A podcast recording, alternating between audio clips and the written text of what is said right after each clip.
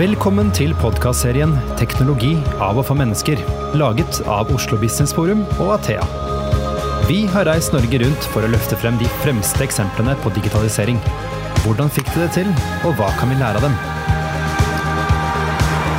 Velkommen til podkasten 'Teknologi av og for mennesker'. Også denne gangen har vi flyttet oss eh, ut av podkaststudio. Eh, nå befinner vi oss på Sør Arena.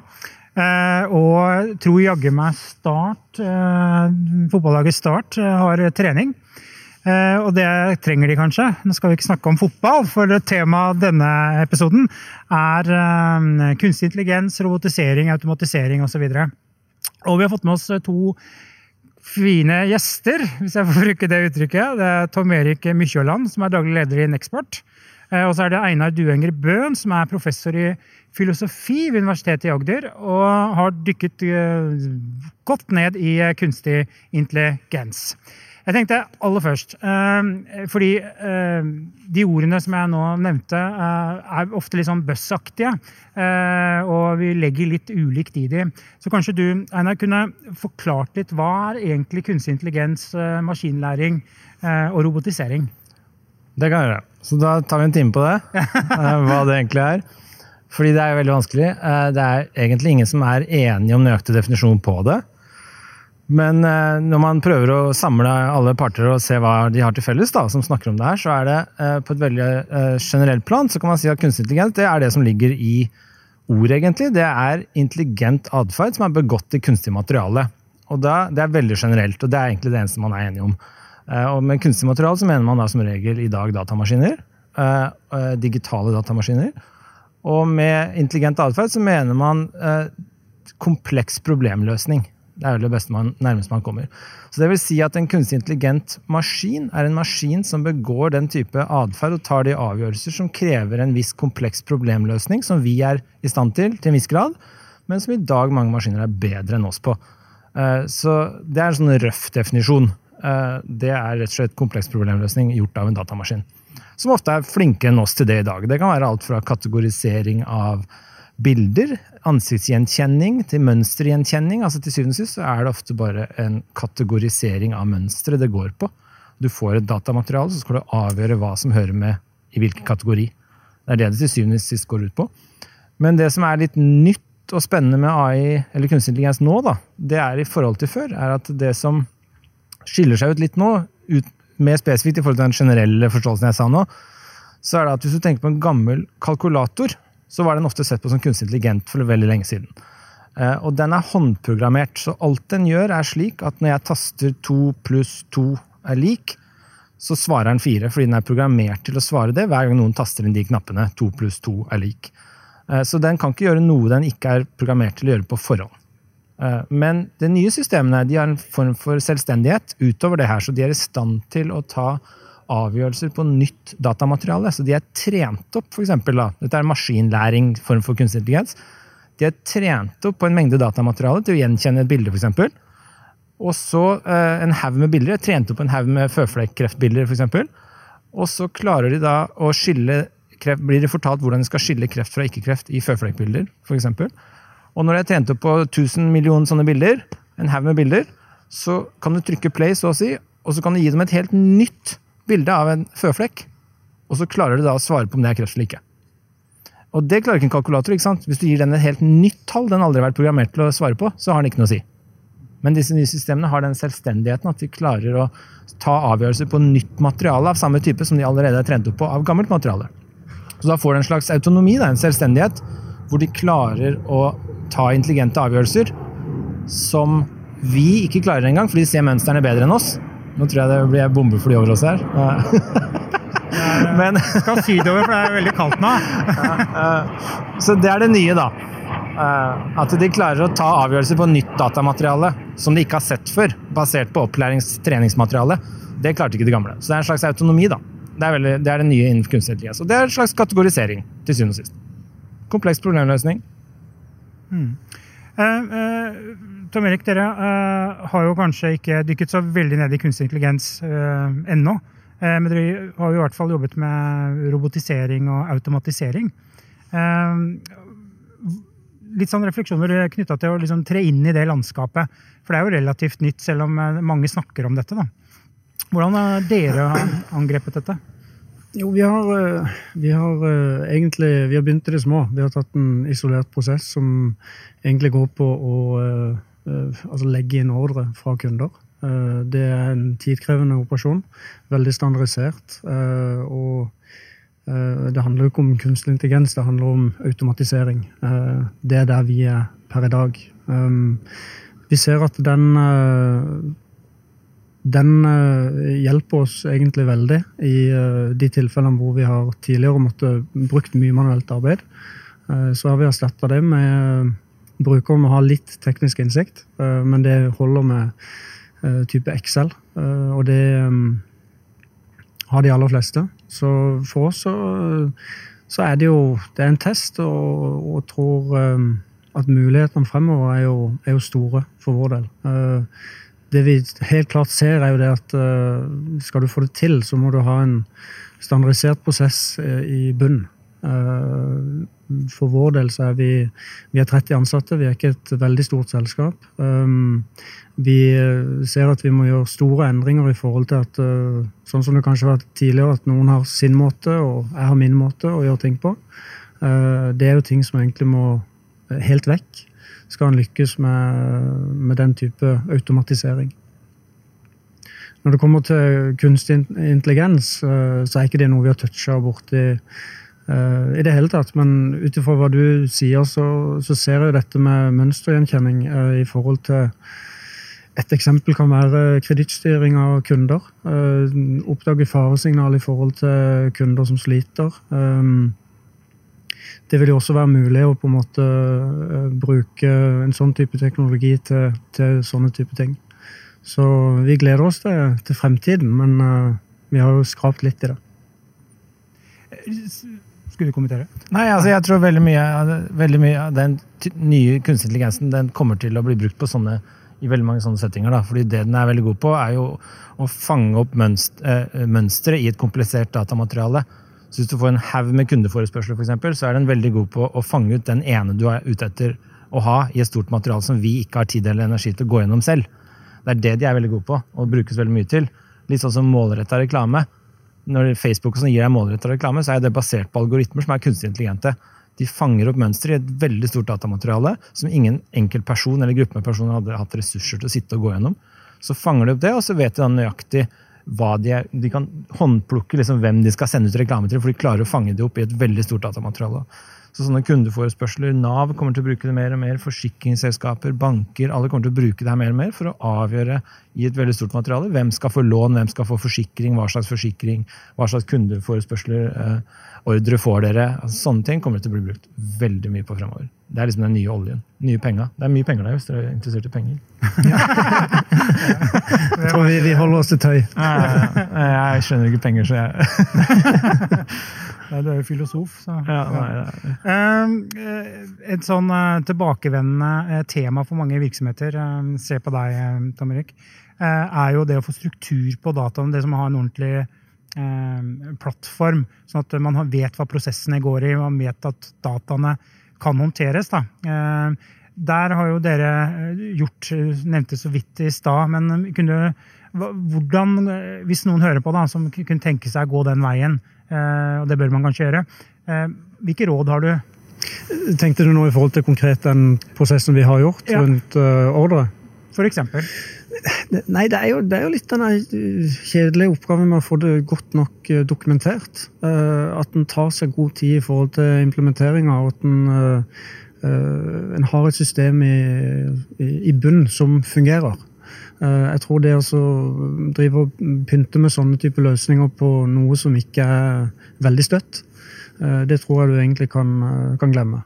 Det er i hvert fall vår opplevelse. Det, det må være veldig solid og forutsigbart i forhold til å kunne lage noen god prosess ut av det. Så den ordreprosessen som vi har tatt, den, den, veldig, den er veldig klart definert. og i forhold til hva som måtte løses. Uh, og det gjorde at vi fikk en løsning som uh, per i dag fungerer. Hadde det vært en prosess som, som, ikke var så tydelig definert, så tror jeg ikke vi hadde kommet i mål. Mm. når man, innfører, altså, når man hører uh, snakke om robotisering, uh, automatisering, så tenker man herregud, nå blir det færre arbeidsplasser. Uh, hvordan har reaksjonen internt hos dere vært på, på, dette? Er det noe som det snakkes om? Nei, det er ikke det. Omfanget av det vi har gjort til nå, vi har gjort andre tiltak også, men, men, dette er såpass lite. Det berører ikke noen. Det gjør hverdagen litt greiere for noen, noen få. Men i et litt større bilde så ser jeg jo helt klart Nå er vel kanskje min sidemann bedre til å svare på det, men for vår del så, er det klart at du får de, du vil få de refleksjonene også jo mer det brer om seg. Og argumentene som ofte er jo at uh, det finnes andre oppgaver og nye oppgaver. Det er klart det, det fordrer jo vekst. Så det er klart, hvis effektiviteten overstiger veksten fremover, så, eller effektivitetseffekten, hvis den overstiger veksten vi får fremover, så, så trenger man ikke samme antall folk. Mm. Så den er litt sånn, ja. Hva tenker du, Einar? Nei, jeg tror det er veldig viktig å tenke på faktisk hva slags arbeidsplasser som blir borte. fordi det er to typer du tenker deg umiddelbart blir borte når du skjønner hvordan kunstig intelligens funker. da. Så er det to typer arbeidsplasser som kommer til å bli borte først. Og det er for det første de veldig sånn repetitive, eh, gjentagende, automatiske yrkene, som gjerne ofte er lavutdanna yrker. ikke sant? Det er sånne fabrikkarbeidere, det er å kjøre traktor på et jorde. altså det er Sånne ting som egentlig du ikke trenger høy utdannelse for, og ikke trenger noe spesifikt menneskelig eh, for å klare. De kommer til å bli tatt over veldig fort. Eh, og det skaper jo selvfølgelig da store problemer, sånn sosioøkonomiske forskjeller, når de lavutdanna mister jobbene først. Også de høyutdanna er de som krever, har kompetansen til å ta de nye jobbene og innovasjonene som kommer, som krever en teknisk kompetanse.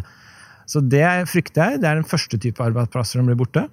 Eh, og det kan være i store mengder, eh, fordi det er ganske sånn store arbeidsplass, fabrikkarbeidere og sånn.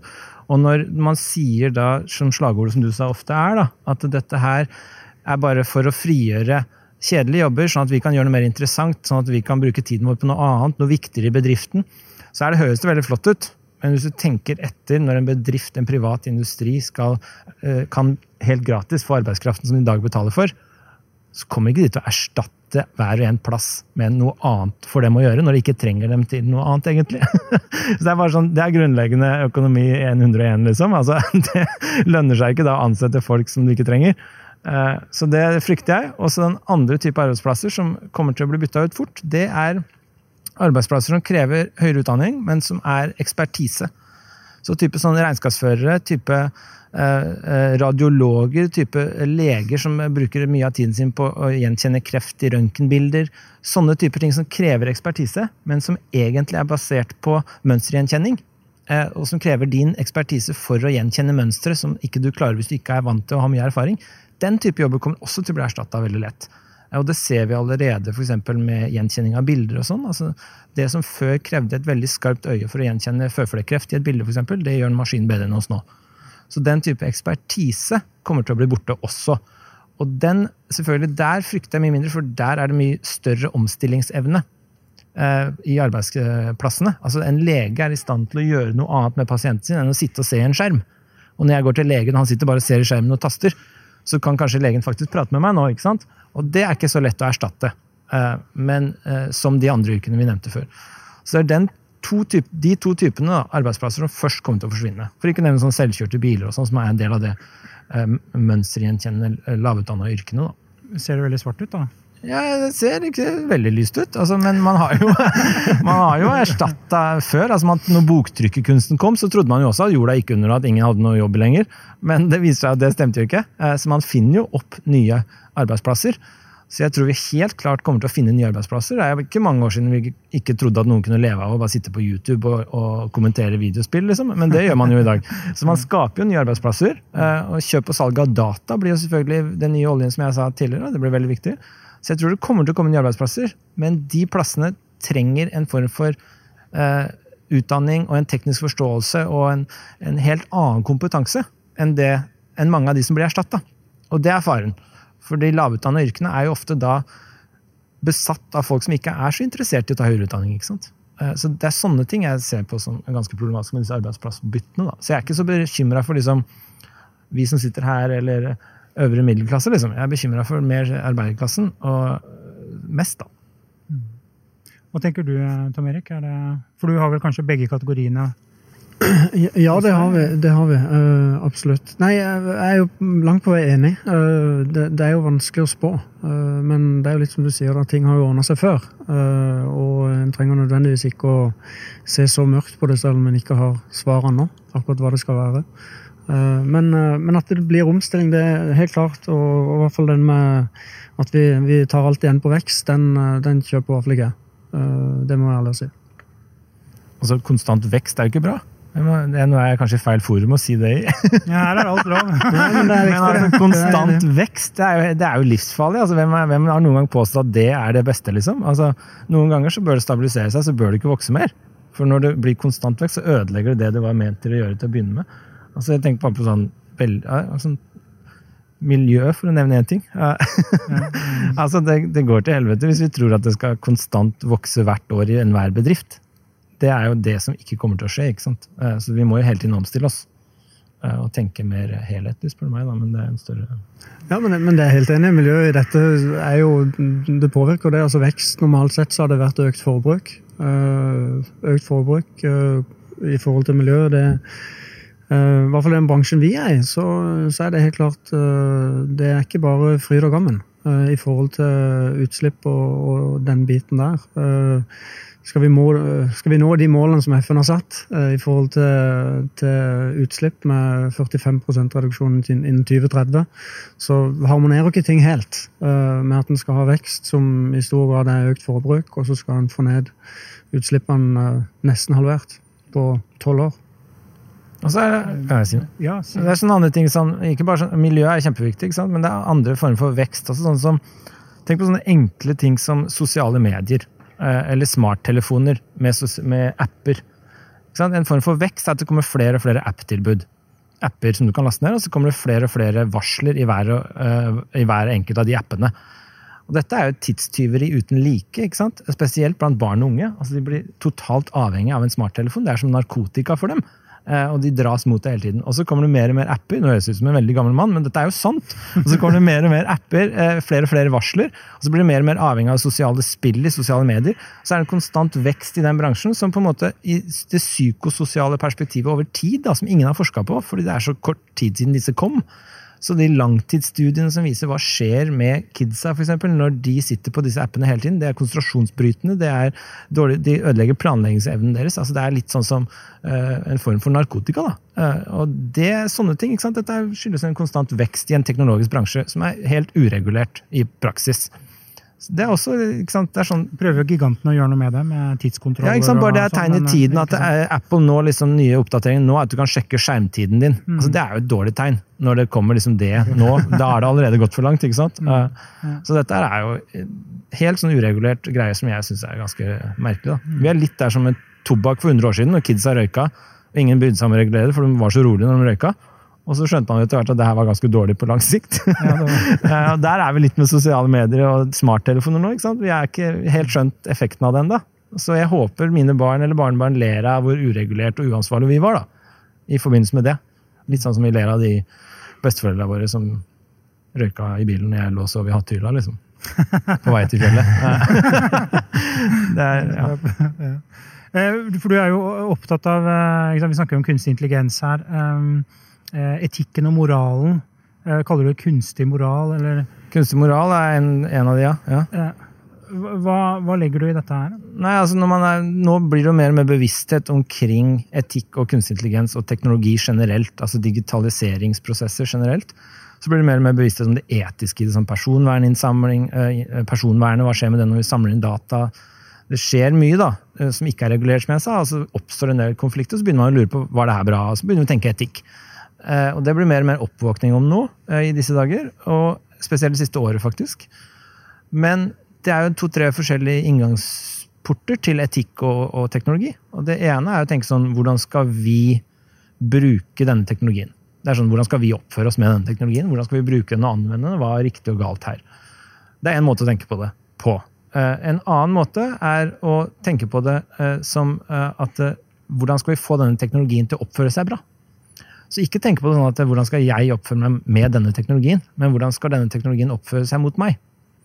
Og det er det jeg kaller kunstig moral. Da. Altså at man prøver å se på hvordan skal vi kunne skape kunstig intelligente systemer som også oppfører seg moralsk. Så det er ikke bare er intelligente. For vi kjenner jo alle personer som er intelligente, men ikke særlig moralske. Eller moralske, men ikke særlig intelligente. Så dette er to forskjellige begreper. Mm. Uh, og det du er interessert i, er selvfølgelig å skjønne, ikke bare overlate viktigere og viktigere og større og større avgjørelser til en kjempeintelligent system som ikke har noe moral. Det er som å overlate til en kjempeintelligent psykopat. ikke sant? Og det er det ingen som ønsker seg. Så det vi må begynne å tenke på, er hvordan skal vi få disse til å bli moralske i tillegg. Eh, å trene opp maskiner til å ta moralske avgjørelser like så mye som bare intelligente avgjørelser. Men er det mulig? Nei, det er det store spørsmålet. da. Så det er det vi driver og forsker litt på. Eh, og ser sånn teoretisk foreløpig. Mm. Men vi skal begynne å implementere og se hva vi får til etter hvert. Men det er liksom planen, da. Og vi er jo litt der på 50-tallet i forhold til det som kunstig intelligens var på 50-tallet.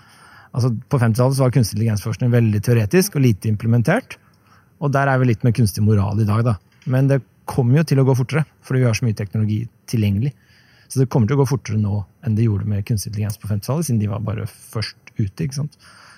Men det tror jeg blir viktig, spesielt i større bedrifter. ikke sant? Hvis du skal tenke deg um, Vi skal ha nedskjæringer i en stor bedrift. Uh, hvem skal vi sparke? Og hvis det er mange nok ansatt, sånn som et universitet det med mange tusen ansatte, så er det ikke Da er det et moralsk spørsmål hvem bør vi sparke nå? Det er like mye et moralsk spørsmål som et rent økonomisk spørsmål. Du kan godt tenke hvem lønner det seg for bedriften økonomisk å sparke? Men det er ikke sikkert det sammenfaller med hvem burde vi sparke moralsk sett. Så I statlig, store statlige bedrifter for eksempel, så kan hende moralske bør kicke inn like mye som det økonomiske. Og Da kan du tenke deg kunstig intelligente moralske systemer som skal hjelpe deg. For det er så mange dimensjoner ikke sant, som skal med i den tellinga, at du må begynne å tenke på ikke bare en intelligent maskin som sier hva lønner seg bare på dette parameteret, økonomisk sett kanskje, men også sånn hvilke moralske hensyn må med her. Og da er det kanskje lett lettere og veldig lurt altså få råd fra et sånt system før vi sparker noen, enn bare å ta den avgjørelsen selv uten å ha oversikt over det store datamaterialet, f.eks. Som trengs for å ta riktig avgjørelse her. Eh, og vi mennesker tar jo også veldig dårlige avgjørelser. Rett før lunsj tar vi dårligere avgjørelser enn rett etterpå, f.eks. For fordi vi er sultne. Eh, det er sånne enkle ting da, som disse maskinene kan unngå. Eh, og det har vist seg alt. Jeg må begynne med det. altså Lønner seg ikke å ta en viktig avgjørelse før lunsj. ikke sant? Det er sånn nytt triks. Eh, dommere for eksempel, de straffer jo folk mye hardere rett før lunsj. Statistisk sett. Og det lønner seg ikke å gå i en rettssak rett før lunsj. Slik at Sånne ting tenker jeg at det er viktig at disse systemene begynner å hjelpe oss med. da. Men det er veldig nytt. da. Og veldig sånn, Folk er litt sånn som deg. sånn, ja, men Det er ikke mulig. Men det sa man om intelligens også på 50-tallet. Sånn, det går ikke an å lage en intelligent maskin. Men det har vi gjort. Mm. Spennende. Ja. Um, Tom Erik, uh, du snakket jo litt sånn innledningsvis om uh, hva dere gjør uh, i Nexport. Ja. Ehm, hva er liksom Hvis vi skal se bedriften om fem år, ti år, hvor er dere da i forhold til disse tingene her? Nei, jeg, jeg tror for vår, eh, for vår, del det er litt vanskelig å spå eh, fremtiden og blitt overraska før hvor fort ting egentlig går. Eh, vi igjen, vi, vi er en bedrift, en mellomstor bedrift. Vi ligger litt på hyllevarer, og ting må Vi har ikke mulighet til å utvikle så mye selv, så vi kommer aldri til å bli ledende for vår del. Men vi har all intensjon i å henge med. Uh, og vi ser jo kjempemuligheter i dette. Men litt som jeg var inne på før, så, så jobber vi mye med, med, med standardisering. Og uh, få nedtegna prosessene våre uh, på en god måte. At vi jobber ens. det tror vi er kanskje den beste måten å, å angripe det på nå. så vil løsningene komme. men da er vi i hvert fall i posisjon til å kunne utnytte de bedre enn det vi er per i dag. Så det, det er egentlig der vi er. Vi, vi vurderer per i dag ingen, ingen, konkrete løsninger nå som går i den retninga. Eh, men eh, vi har fått smaken på det. Eh, det. Vi ser jo at det ligger mye foran oss. Men, men per i dag så er, det, så er, det, der vi er. Vi må bygge den grunnmuren før vi kan gå videre. Har du noen ledestjerner ledestjerne eller andre virksomheter du liksom ser til som er gode på dette, eller som du liksom lar deg imponere av? Innenfor dette? Man skulle, skulle ønske jeg kunne svart ja. nei, uh, nei det, det, har jeg, det, har jeg, ikke sånn opp av hatten. Altså, vi prøver å fokusere litt på, på oss selv uh, og bruke de partnerne vi har rundt, og, og rådføre oss med de, egentlig. Vi um, ja, vi, vi ser nok litt, litt innover og tenker på vårt oppsett. Mm. Hva tenker du, Einar? Hvor, hvor er vi om fem-ti år? Har vi de moralske systemene? Er det da på plass? Eller Ja, nå skal vi, begynne, å- vi skal begynne å prøve å implementere noen enkelte systemer til våren, kanskje høsten, så om et par år. Par år, ja. ja. Men jeg tror, eh, jeg tror som jeg, jeg liker ofte den frasen, jeg tror det er en klisjé, jeg vet ikke hvor jeg har den fra, men den er veldig god. eh, Frasen om at vi har en liten tendens til å overvurdere teknologi på kort sikt, men undervurdere den på lang sikt. Så vi tror liksom at det, eh, det kommer til å skje veldig store ting neste år, ikke sant? Og så skjer det ikke så fort som vi trodde. Så hvis du leser science fiction-litteraturen, sånn, så trodde man at man flydde i, i verdensrommet i 2001, liksom. Men vi gjorde ikke det. så man har overvurdert det litt på kort sikt. Men på lang sikt så forutså vi f.eks. ikke internett og sosiale medier, hvordan det ville forandre hele verden brutalt i en tiårsperiode. Slik at det er eh, Det var kort sikt, da. Men eh, det kommer til å ha veldig lang effekt, langsiktseffekt, da, hvordan det har forandra verden. Så jeg tror, vi, eh, jeg tror egentlig ikke det er sånn superstore forandringer om 50 år. Eh, Jeg tror det er mer digitalisert. Det er mer kjøp og salg av data. blir mer og mer viktig. Eh, I alle bedrifter, fra veldig små til veldig store. Det blir liksom den nye oljen, tror jeg. Og så tror jeg at det kommer litt sånn kunstig intelligens-systemer, sånn mye selvstyrte og selvbetjenende ting. Så veldig mange butikker kommer til å ikke ha betjeninger som sitter i kassa, f.eks. Mange regnskapsbyråer kommer til å tilby tjenestene sine på nettet. Du bare laster opp kvitteringene dine, så går det av seg sjøl. En del sånne ting, eh, men eh, det går nok saktere enn vi tror, da. Så om ti år så er vi liksom fortsatt så sliter vi med sjalusi og, og krangler med naboen og er forelska i partner, i kollegaen din. og Det er liksom sånne helt vanlige, kjedelige menneskelige ting da, som eh, bare er akkurat det samme som det var på 1800-tallet. ikke sant? Eh, Så det er vanskelig, som du sa, å spå, men jeg, jeg tror vi eh, sliter med mye av det samme. Men vi er optimister. Veldig. Absolutt. Ja. Eh, tusen takk for at dere kunne være med, og tusen takk til deg som lyttet på. Du har nå lyttet til podkasten 'Teknologi av og for mennesker', laget av Athea og Oslo Business Forum. Følg oss i sosiale medier og på nettsiden vår athea.no. slash podcast. Vi setter utrolig stor pris på om du gir podkasten en vurdering i iTunes.